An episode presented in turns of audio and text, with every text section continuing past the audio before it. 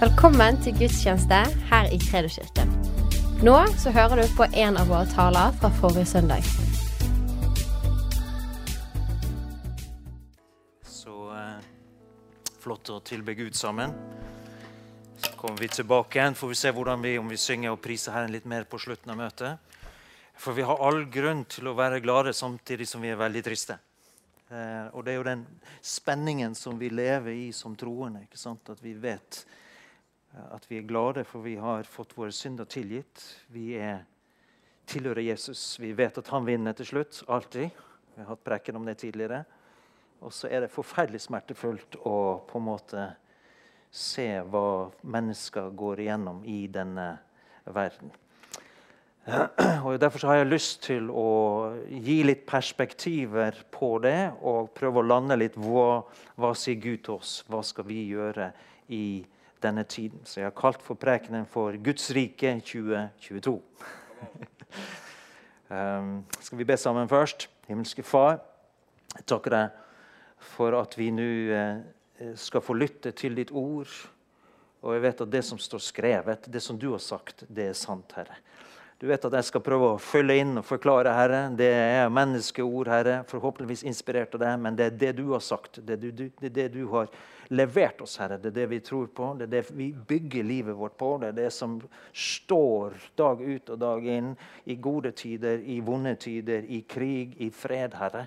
Så vet vi at ditt ord er sannhet. Og du er sannheten, Jesus Kristus. Derfor er det det som vi uh, trenger ja, Vi trenger oss nær til det Herre. Vi vet at du er nært oss. Du er jo, bor i oss, og du er alltid med oss ved Den hellige ånd. Men vi kjenner at vi trenger å søke deg og komme nær til deg i våre hjerter. Herre. At vårt fokus og vår bevissthet er på deg, Jesus, og på ditt rike. Så takk for at du gir oss denne stunden, Herre, bare til å lytte til deg her, og ta inn ditt ord, så vi forstår, så vi kan tro, og så vi kan gå og gjøre det som du har bedt oss om. Amen. Amen. Du som følger med også på uh, livestreamingen, Gud velsigne deg. Jeg håper at du skal også få noe fra Gud i dag. Eh, tusen takk for sjenerøsitet. Vi har nå tre søndager på rad samla inn til evangelisk forkynnelse i Bulgaria, til verdensmisjon, og så hadde vi også en innsamling til, for å hjelpe til i Ukraina. Så da kom det inn eh, godt, godt, over 30 000 sist søndag. Og vi kommer til å fortsette å samle inn. Det kom inn ja, flere titalls tusen fra andre menigheter. Vi går sammen i Share Mercy. Og så har vi samarbeidspartnere inne i Ukraina, menigheter som er der. Så vi står sammen med dem. Og så er det også nå kommet sender de team fra Israel. Mange av de eh, som har kommet til Israel de senere årene, er faktisk også troende, messianske jøder. Så de sender team til grensen til Moldova og Polen, og vi står sammen med dem. Fordi det er også en tid hvor når flyktningene kommer ut, så er det noen av de som skal tilbake til Israel. Så vi kommer tilbake til den tematikken litt senere i prekena.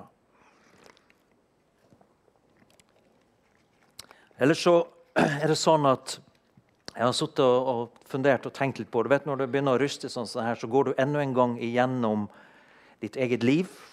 Jeg regner med kanskje du også gjør det. Hva, hvem er jeg? Hva tror jeg på? Og hva er liksom oppdraget mitt her, eh, her og nå? Og Det som, eh, som, jeg opplevde på en måte Gud bare minte meg på, og som jeg ønsker å videreformidle til alle sammen her, det er det at eh, min og din identitet som troende i Jesus Kristus er først og fremst at vi er hans eiendom.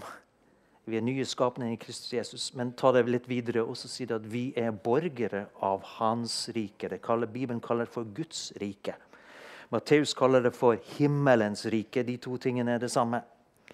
Slik at Når jeg tenker på hvem jeg er, og hvem jeg tilhører, så min første tanke og bevissthet skal være det at jeg tilhører Guds rike. Det er først og fremst den jeg er. Og så er jeg veldig glad for å være født og oppvokst i Norge og ha et norsk pass. Det er veldig bra. Gjør livet enklere å kunne reise rundt i verden med et norsk pass. Men det er ikke min identitet.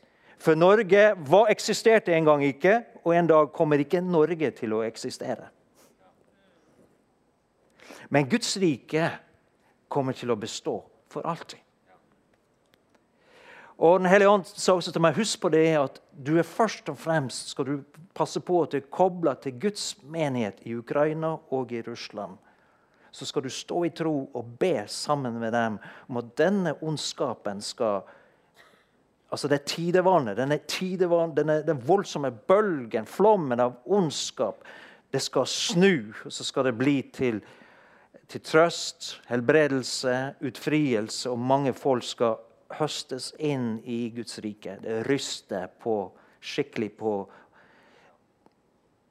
på bunnen altså, av mange menneskers liv. Som er berørt av krigen, men også i Europa. At denne, på en måte det vi ikke trodde kom til å skje, plutselig så skjer det. Det er jo som et eventyr. Det er, jo som en, du, du liksom er det virkelig skjer, dette her nå. Ja, det vi har hørt om en gang skjedde i historien. Plutselig er det i gang igjen i vårt nabolag. Og det er klart at Da kjenner vi at vi blir urolige, og det kan komme også frykt og uro inn i våre liv. For det, blir, det kommer nærmere, og vi får det veldig nærmt på skjermen. Vi hører om det. Jeg også sånn jeg er innom flere ganger om dagen for å oppdatere meg. Og jeg kjenner på en måte bare en sånn jeg går i bølger, bønn bønnebølger som kommer og går. Dette er alvor, og det skjønner vi alle sammen. Men det som er de gode nyhetene, at vi kan sammen med Kristi kropp i Europa, i Ukraina og Russland være med å endre det som skjer. Mange mennesker, uskyldige mennesker kan bli berga hvis jeg og du står på muren. Amen. Det er sannheten. Berga ikke bare fysisk, psykisk, men også for evigheten så har Gud satt grensene for folkeslagene, står det. I apostelgjerningene 17. For om mulig at disse folkene skal søke Han. Det er Gud som i sin visdom har tillatt grensene. Når vi begynner å bryte disse grensene utenom Guds vilje, så blir det problemer. Men da skal vi be om at ting skal komme på plass, ting skal komme i orden, og de skal finne løsninger. Amen. Men det, vi vet ikke helt hvor lang tid, på hvilken måte, men vi, vår jobb er sammen med Kristi kropp å be til Gud og stå ondskapen imot. Er vi enige om det? Og Derfor så kommer vi også i, i morgen og ber spesifikt, spesifikt, for det. Og Leif Jonny Johannessen, som kom fra bønnesenteret i Levanger, de er også involvert i Ukraina, så han kommer til å være med oss i, i morgen kveld.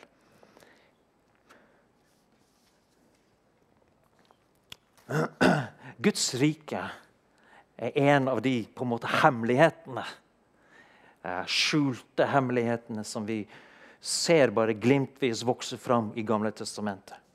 I, første, I andre Samuel kapittel 7 vers 12-16 så står det det at da var det profeten Nathan som kom til eh, kong David. For han hadde fått i sitt hjerte Han sa nå bor jo jeg i det palasset, og Gud og arken står i et telt. Jeg må jo bygge et hus for min Gud.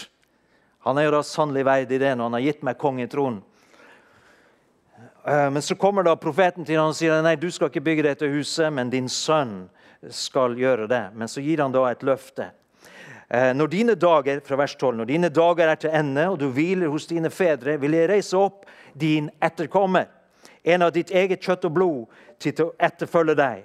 Jeg vil grunnfeste kongedømmet hans, han skal bygge et hus for mitt navn, og jeg vil trygge hans kongetrone til evig tid. Jeg vil være far for ham, og han skal være sønn for meg. Når han gjør noe som er ondt, vil jeg straffe ham med stokk og slag fra mennesker. Men min godhet vil jeg ikke ta, la, ta fra ham, slik som jeg tok den fra Saul da jeg lot ham vike for deg. Ditt hus og ditt kongedømme skal stå fast til evig tid. For mitt ansikt og din trone skal stå støtt til evig tid. Det var et løfte som Gud ga til kong David. Men da kan vi jo se det at eh, Altså Samuel Nei, Salomon, unnskyld. Kong Salomon, sønn til kong David, fikk jo da æren å bygge dette tempelet.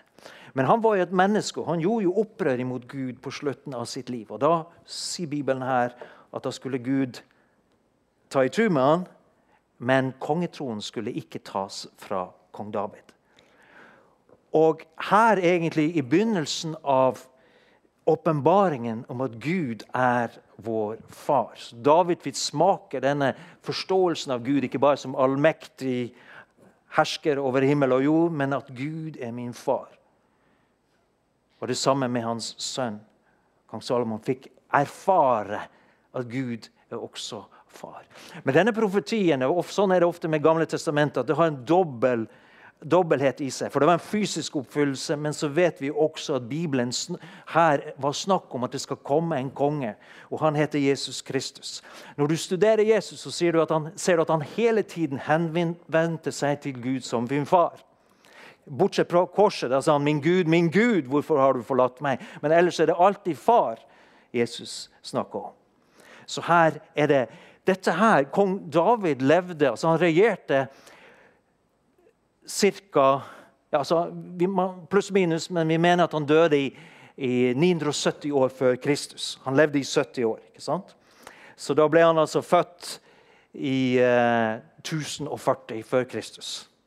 Det er ganske presis, vet vi det fra historien.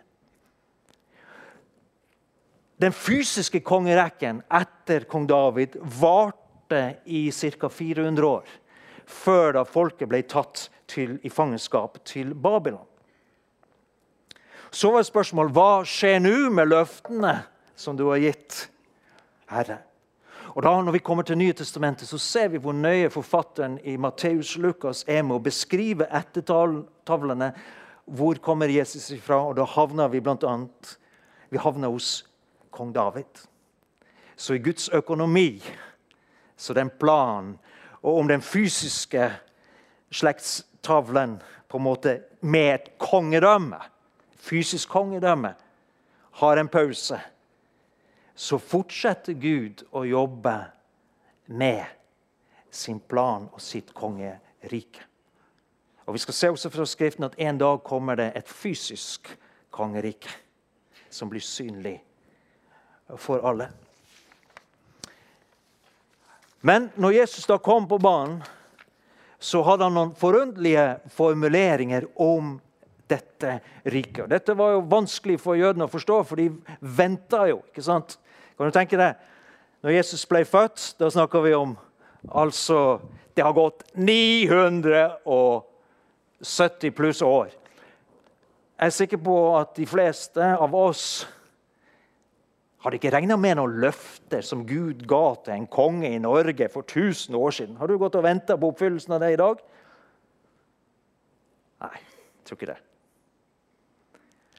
Men jødene, israelsfolket, hadde skrevet det ned. Og de var overbevist om at Gud kommer til å oppfylle løftene en dag. De venta på et fysisk rike som skulle manifesteres her på jorden. Og så kom Jesus. Og Vi leser om det når han gjorde brødunderet. 5000 mennesker fikk, pluss kvinner og barn fikk mat ut av en liten håndfull med fisk og brød. Og Da står det etterpå at Jesus måtte stikke av og gjemme seg nærmest og være alene. For han visste de kom til å tvinge han til å bli konge. Wow, De hadde fått sett mirakel. De hadde fått mat. Wow, her er han! La oss gjøre han til konge. Men Jesus stakk av. Det var ikke tid. Tiden var ikke der for den type kongerike. Og i Johannes, Når Jesus står foran eh, Pilatus, så svarer Jesus i Johannes 18, 36 står det Mitt rike er ikke av denne verden. Hadde mitt rike vært av denne verden, ville mine tjenere ha kjempet, slik at jeg ikke skulle bli overgitt til jødene. Men nå er ikke mitt rike herfra. Legg merke til dette nå.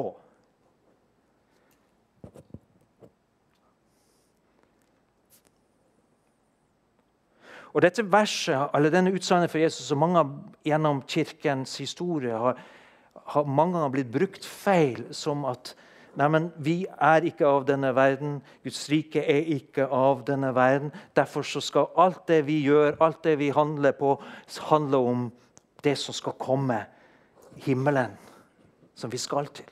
Så man trukker seg tilbake ut av å engasjere seg, involvere seg i det som pågår i denne verden. Men det var ikke det Jesus tenkte på her. Han sa bare at 'mitt rike' er ikke, fungerer ikke sånn som rikene på denne jorden fungerer. Mitt rike går ikke fram ved at disiplene mine tar sverdet og kjemper, som de ville ha gjort i et normalt rike. Så når Ukraina reiser seg opp og forsvarer seg, så er det med full rett at de gjør det. For de er et rike i denne verden.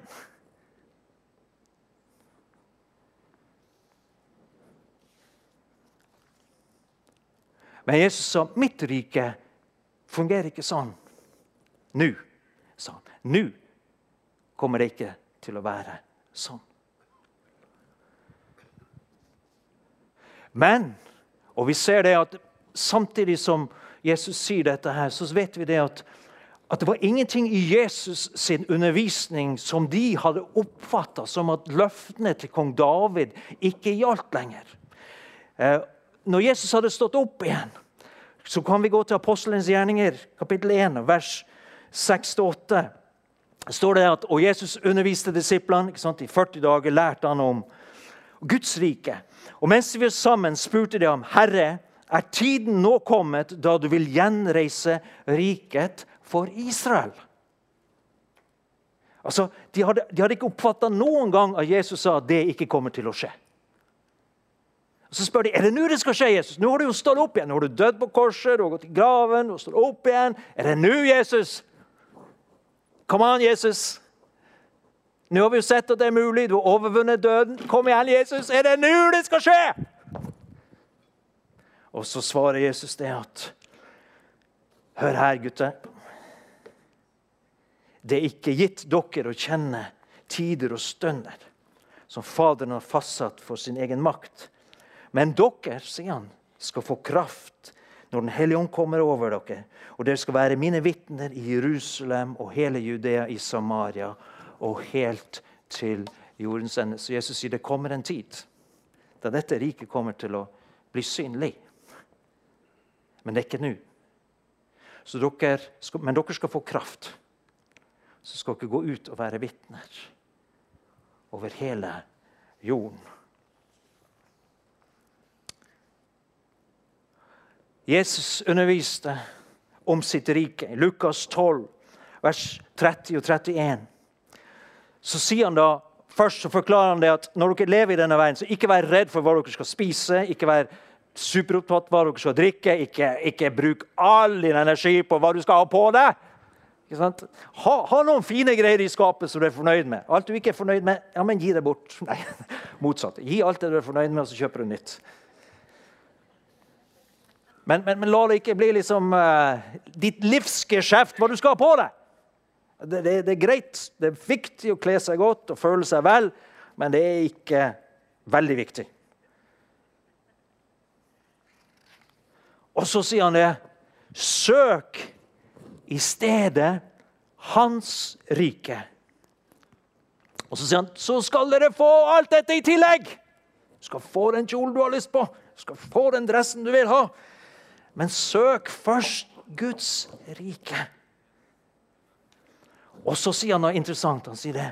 Vær ikke redd, du lille flokk, for det er deres fars gode vilje å gi dere rike. Og det er klart at det var, Når Jesus hadde guttene rundt bålet, han sa det Hør her, ikke vær redd, lille flokk. Så, så klart De så jo på hverandre. skjønt, Vi er jo ikke så veldig mange. Her er vi tolv stykk, og så har vi en del kvinner med oss.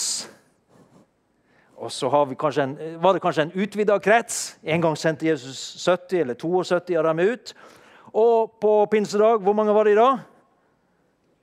120. 120 disipler. Jeg skjønner det at de følte seg som en liten flokk.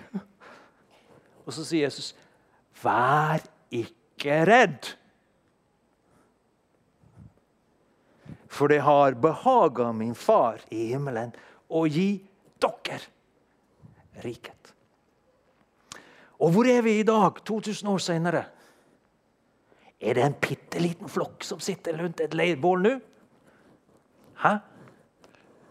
Nei, bare her ser det ut som det er litt flere. Kvinner og menn. Så den flokken der, den har vokst ganske bra. Og den er blitt så stor nå at det fins hundrevis av millioner av mennesker over hele kloden som er disipler av Jesus, og som har tatt imot Guds rike.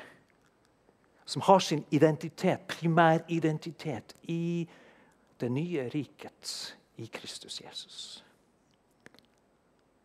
Så vi er ikke sånn stakkarslig liten kropp lenger. Flokk. Vi har faktisk noe å si. Og, men fremdeles skal vi arbeide på de premissene som Gud har sagt gjelder i ditt rike. Dette riket har en regjering. Og den går ut ifra den Faderens høyre hånd i himmelen. Dette riket har autoritet, det har lover, det har verdier, det har prinsipper som er nedfelt i denne boka. Og Hvis vi skal lykkes i dette rikets arbeid, så må vi følge det som står her. Og arbeide i den kraft og den autoritet som er gitt oss i dette riket. Amen.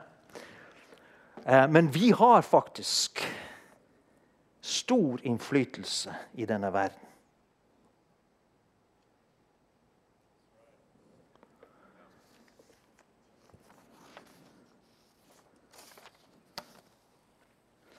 I Lukas 13, vers 18-19 så, så sa Jesus det. Hva er Guds rike likt? Hva skal jeg sammenligne det med? Det er likt et sennepsfrø som en mann tok og sådde i hagen sin. Det vokste og ble til et tre, og himmelens fugler bygde rede i grenene på det. Han sa det at mitt rike starter med denne lille flokken. Og han sier til dem, ikke vær redd. Det er jo nettopp fordi at de følte seg redd. De kjente på liksom at vi er så få. Og, og ikke lar han oss få bruke sverd engang. Vi får ikke lov å, å forsvare oss engang.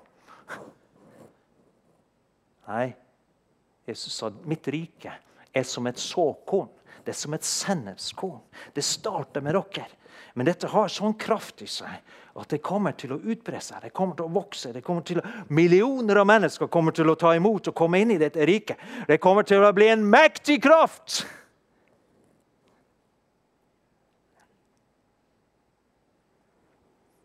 Og en dag blir det så stort at fuglen Det blir et gedigent tre, og fuglene bruker et bilde, fuglene kommer og bygger rede i dette treet. Det starta som et bitte, bitte, bitte, bitte, bitte lite såkorn. Som en, vet, hvis du tar en sukker, et sukkerkorn Omtrent den størrelsen der.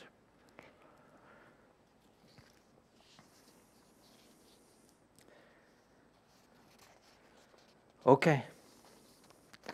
Så sa Lukas 17, 20-21, så spurte fariseerne denne gangen Jesus når Guds rike skulle komme, og han svarte Guds rike kommer ikke på en slik måte at en kan se det med øynene. Ingen vil kunne si 'se her er det', eller 'der er det', for Guds rike er midt iblant dere. Når vi ser det sammenheng med hva Bibelen ellers sier, så forstår vi at vi er i den tiden hvor Guds rike er høyst reelt til stede, men vi kan ikke se det med det fysiske øyet, for det er et det er iblant oss, eller det kan også oversettes 'det er i dere'.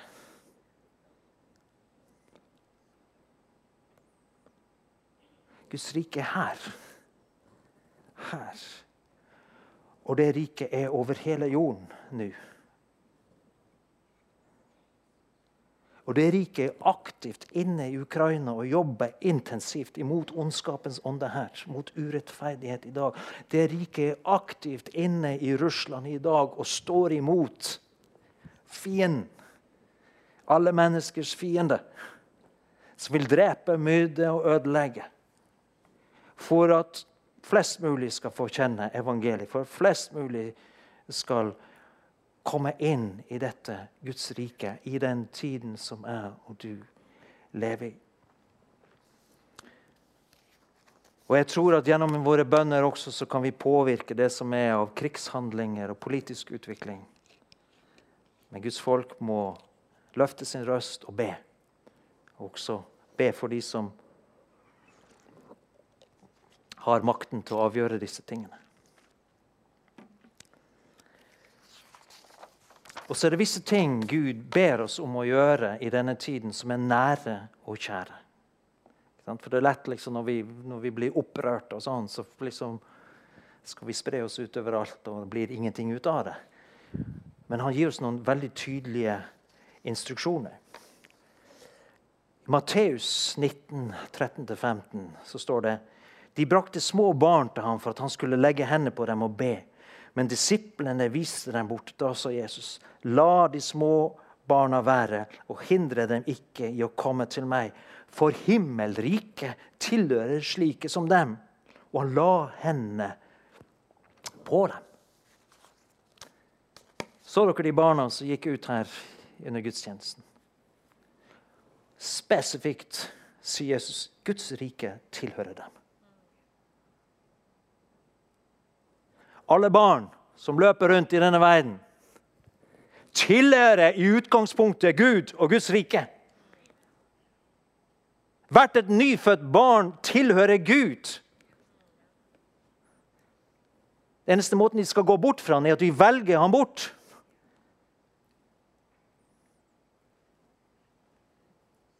Derfor er det så viktig hva barna lærer for noe. Hvilken tro de påvirkningen de under, hvilken tro de blir formidla.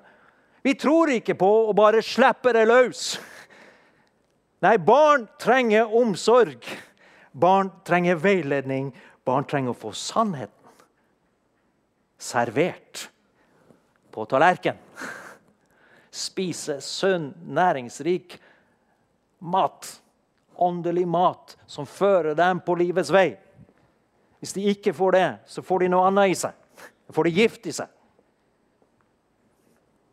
Dette er det nære, kjære, en oppgave som vi har som foreldre, som besteforeldre, som menighet.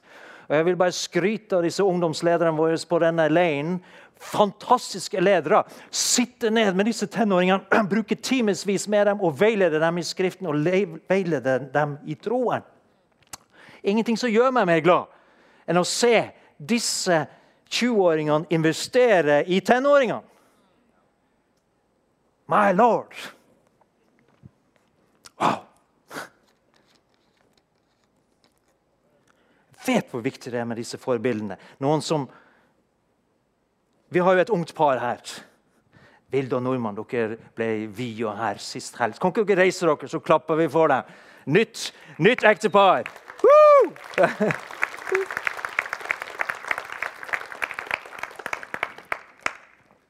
Unge mennesker som følger boka.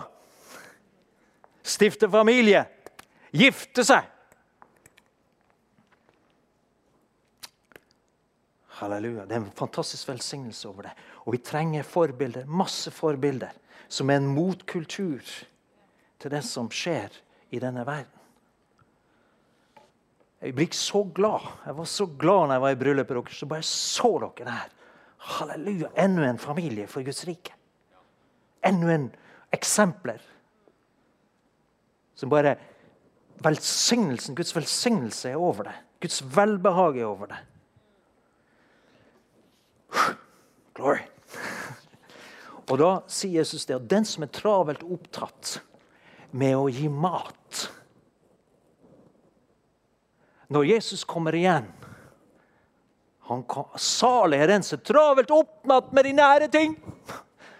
Med barn og familie og menighet og naboen i gata og slekt og venner. Saligere enn som gir åndelig mat og elskes de som er i nærheten av det. Lykkelig er du når Jesus kommer igjen, for du skal settes over mangt. Står det. Mye.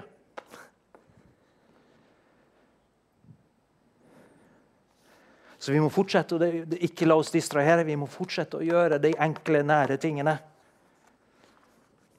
Er vi med? Yes. Og så sier Jesus i Matteus 6, 9 og 10 slik skal, det, slik skal dere da be vår Far i himmelen. La ditt navn helliges, la ditt rike komme. La viljen din skje på jorden slik som i himmelen. Og her er det Jesus instruerte disiplene å be på den måten. Så, vi, så det er en kommando til meg og deg. Er Faderen og så skal du be om at Guds rike skal bli åpenbart her på jorden. At Faderens vilje skal skje her på jorden, sånn som vi vet den skjer i himmelen. Derfor så har vi et mandat til å involvere oss i denne verden. Kjempe for rettferdighet, kjempe for sannhet, for godhet overalt der vi kan. Der Gud leder oss. Vi kan ikke bestemme over folks vilje. Vi kan ikke kontrollere denne verden, men vi kan representere Guds rike inn i enhver sammenheng. På bedriften din, i politikken, i nabolaget, på klubben. Overalt så representerer jeg og du Guds rike. Og vi involverer oss. Og vi ber om Guds vilje. Og på samme måte Når det skjer kriser i verden, så involverer vi oss, for vi fikk instruksjoner fra Jesus. Pris Faderen. La Hans navn holdes hellig. Løft opp Hans navn når det er nød og kriser. Løft opp Jesu navn. Ikke synk i hop. Ikke la frykt overta. Løft røsten. La nøden komme ut av ditt hjerte innenfor Gud. Be at Hans rike skal komme, og Hans vilje skal skje på jorden slik som i himmelen. Amen.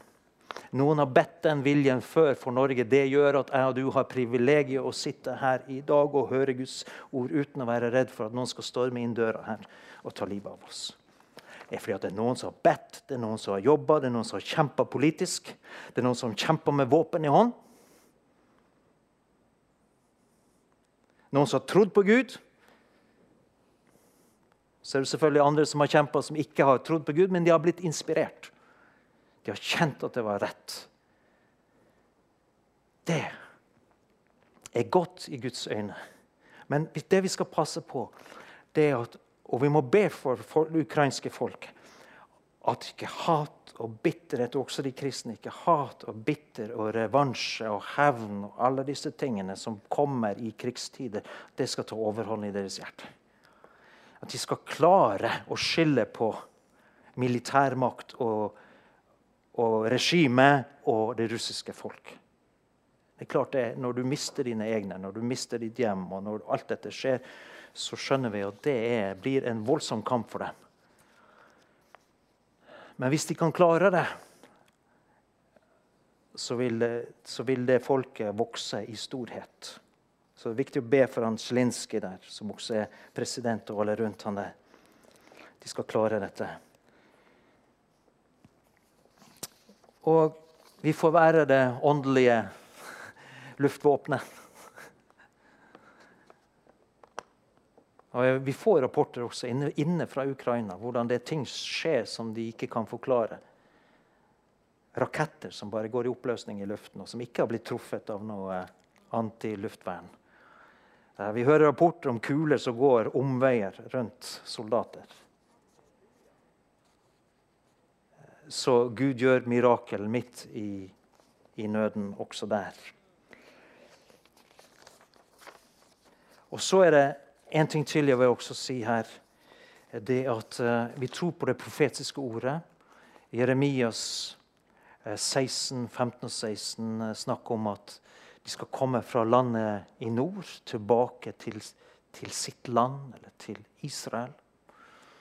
Eh, det står om fiskerne. og Det har vært en lang periode hvor, hvor man hadde Under andre verdenskrig så ble på en måte hele Jødene ble tvunget tilbake til landet sitt. De skjønte det. Skal vi overleve, skal våre slekter overleve, vi må ha vårt eget land, vi må ha våre egne grenser, vi må ha vårt eget militære. Vi er nødt til å kunne forsvare oss sjøl, for det er ingen andre som kommer til å gjøre det.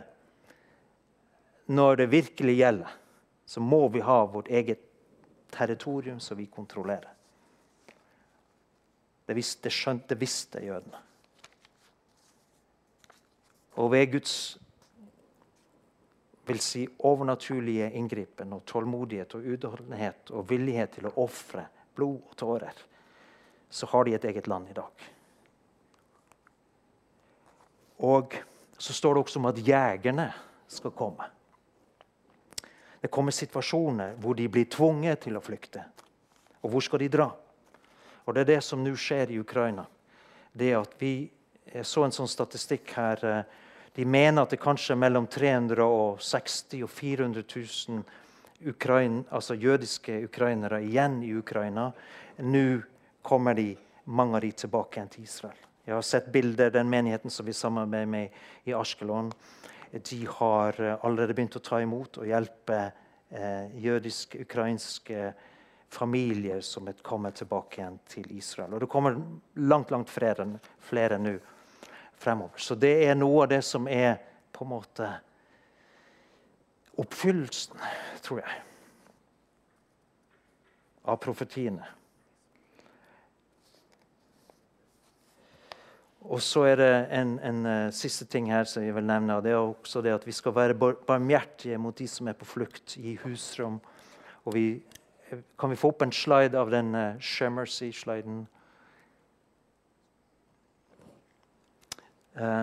så vi tar ikke opp, vi gjorde det sist søndag, vi tar ikke opp noen gave nå, men vi kanaliserer midlene som vi samler inn, gjennom en, en eh, humanitær nødhjelpsorganisasjon som vi har sammen med andre.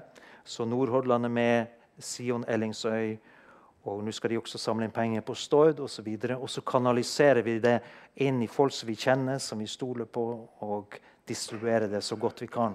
Og Et av våre mål er også å kunne gjøre ting inne i Ukraina, ikke bare ved grensen. Fordi at i, i en by som heter Dnepnor nå, inne i Ukraina, så tar de imot flyktninger fra Kharkov, som er veldig hardt ramma av kamphandlinger.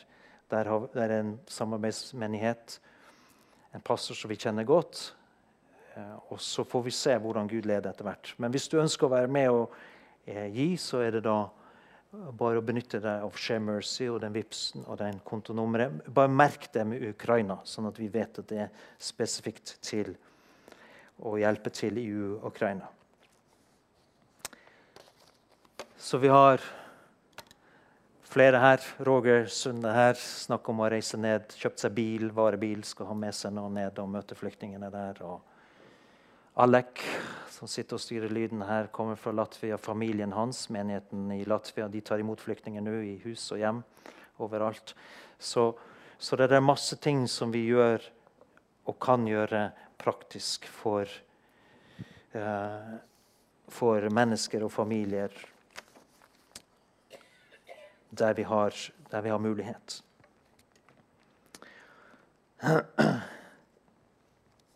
Så skal vi lese et siste vers. Jeg har lyst til å avslutte med det.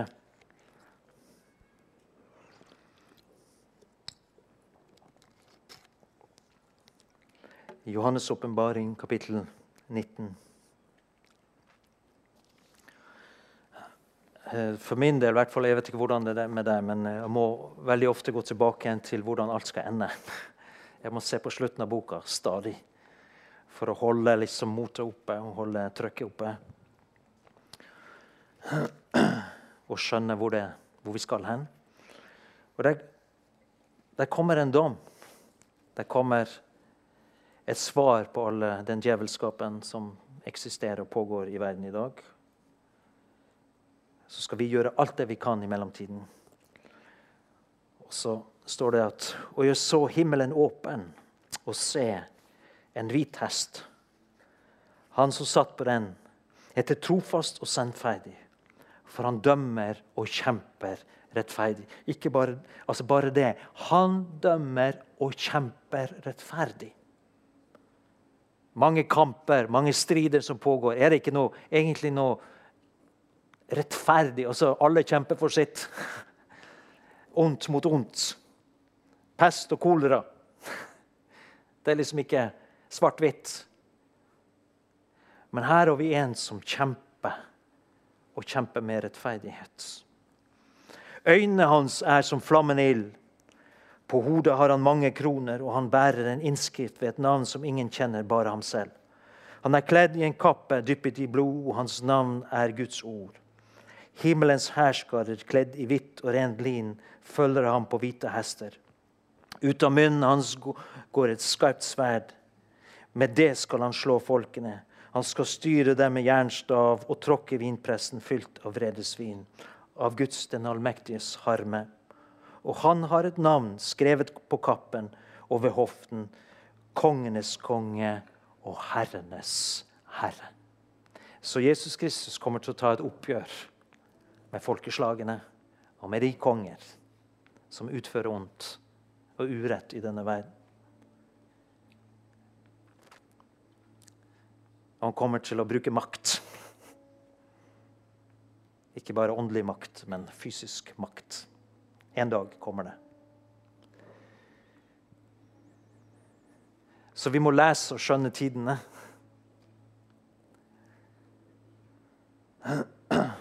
Og jeg håper og tror at Gud inspirerer oss til både å vinne mennesker for Hans rike og også stå på muren og be.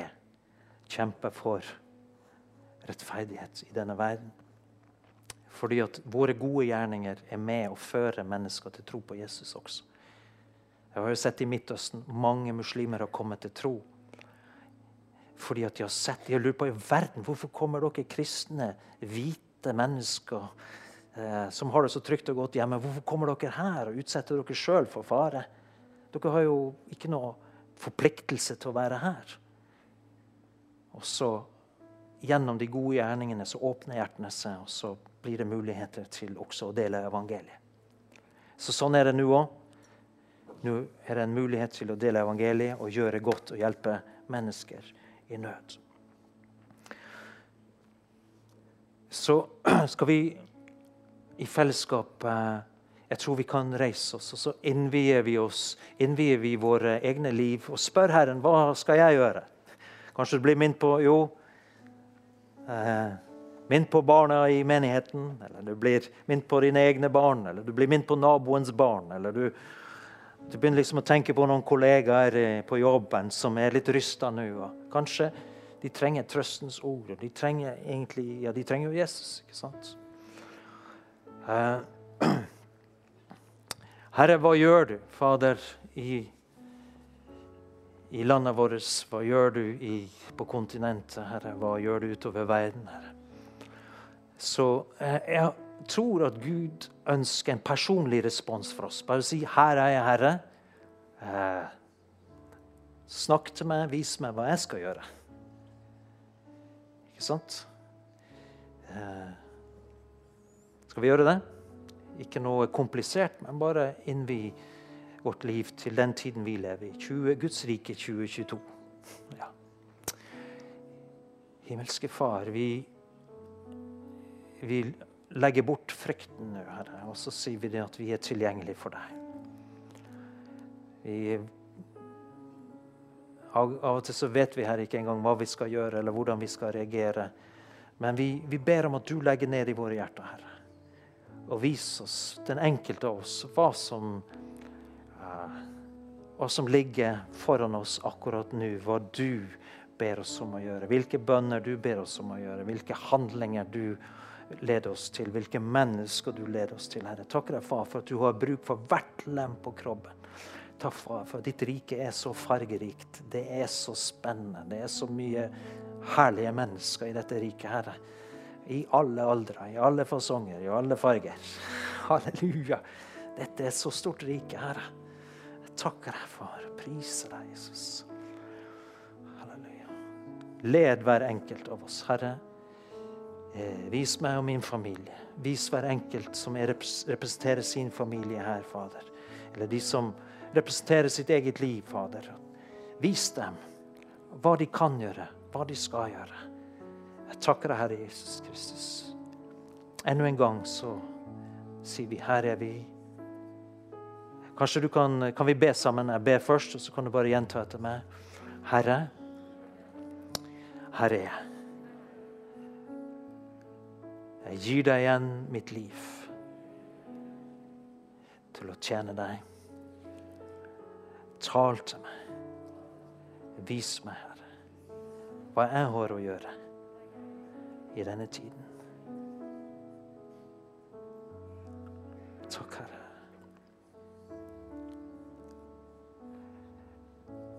Herre, la frykten være langt borte fra meg. La uro og bekymring være langt borte fra meg. Jeg gir all frykt, all engstelse for framtiden, hvordan det skal gå. Den gir jeg til deg. Du tar imot den, Jesus. Du har rygg til å bære den. Du døde på korset for å fri oss fra fryktens makt og dødens makt når du sto opp igjen ifra de døde. Derfor så avsier vi oss all frykt. Og så tar vi imot ditt mot. Vi tar imot din handlingskraft. Vi tar imot din styrke for den tiden som vi lever i nå. Halleluja, Takk, Herre Jesus. Halleluja.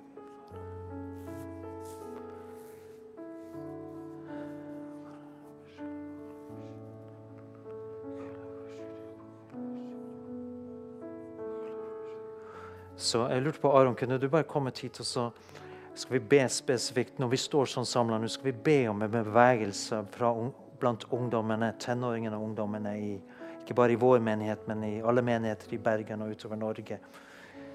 Så Det har vært et tema, og vi har bedt en del for det. Og, og jeg tror at vi skal fortsette å bare be ut og forkynne det. Og, så hvis du kunne lede oss i en bønn bare for våre barn, for våre unge, og eh, yes, at Gud skal bevege seg.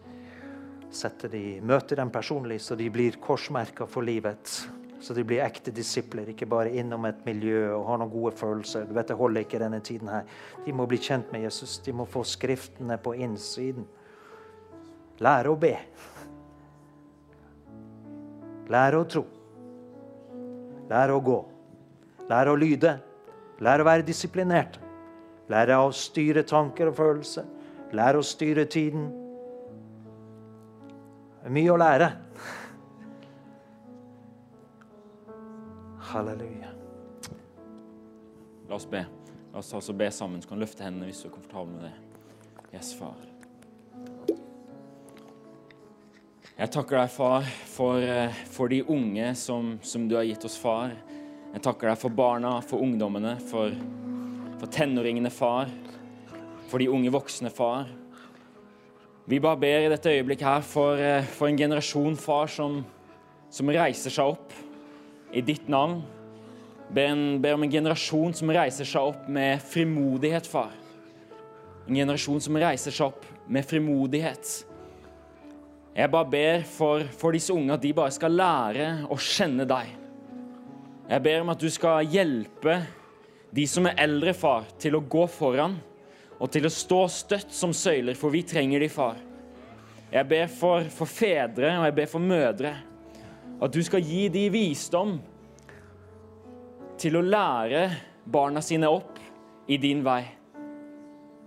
Jeg ber om at du skal gi oss lidenskap, far, for ditt ord. Og Jeg bare ber for denne generasjonen som kommer, far, at de skal reise seg opp med mot, far. At de skal gå ut i all verden og gjøre folkeslag til disipler. Amen. Amen. Takk, Jesus. Skal du bare ta imot fred fra Gud, Guds styrke. Her velsigne deg. Her la sitt ansikt lyse over deg være nådig. Her løfte sitt åsyn på deg og gi deg fred. Guds fred. Guds fred skal fylle hele ditt vesen, fylle ditt hjem, fylle din bil, fylle, hvor, fylle rommet der du er. Din fred, Herre, som overgår all forstand, som bevarer hjertet og tanker i Kristus Jesus. Jeg takker deg, Far, for denne freden. Jesu Kristi navn. Ikke den freden som verden kan gi, men din fred. Din fred, Jesus, du, som du snakker om. Takker og priser deg for det. Halleluja.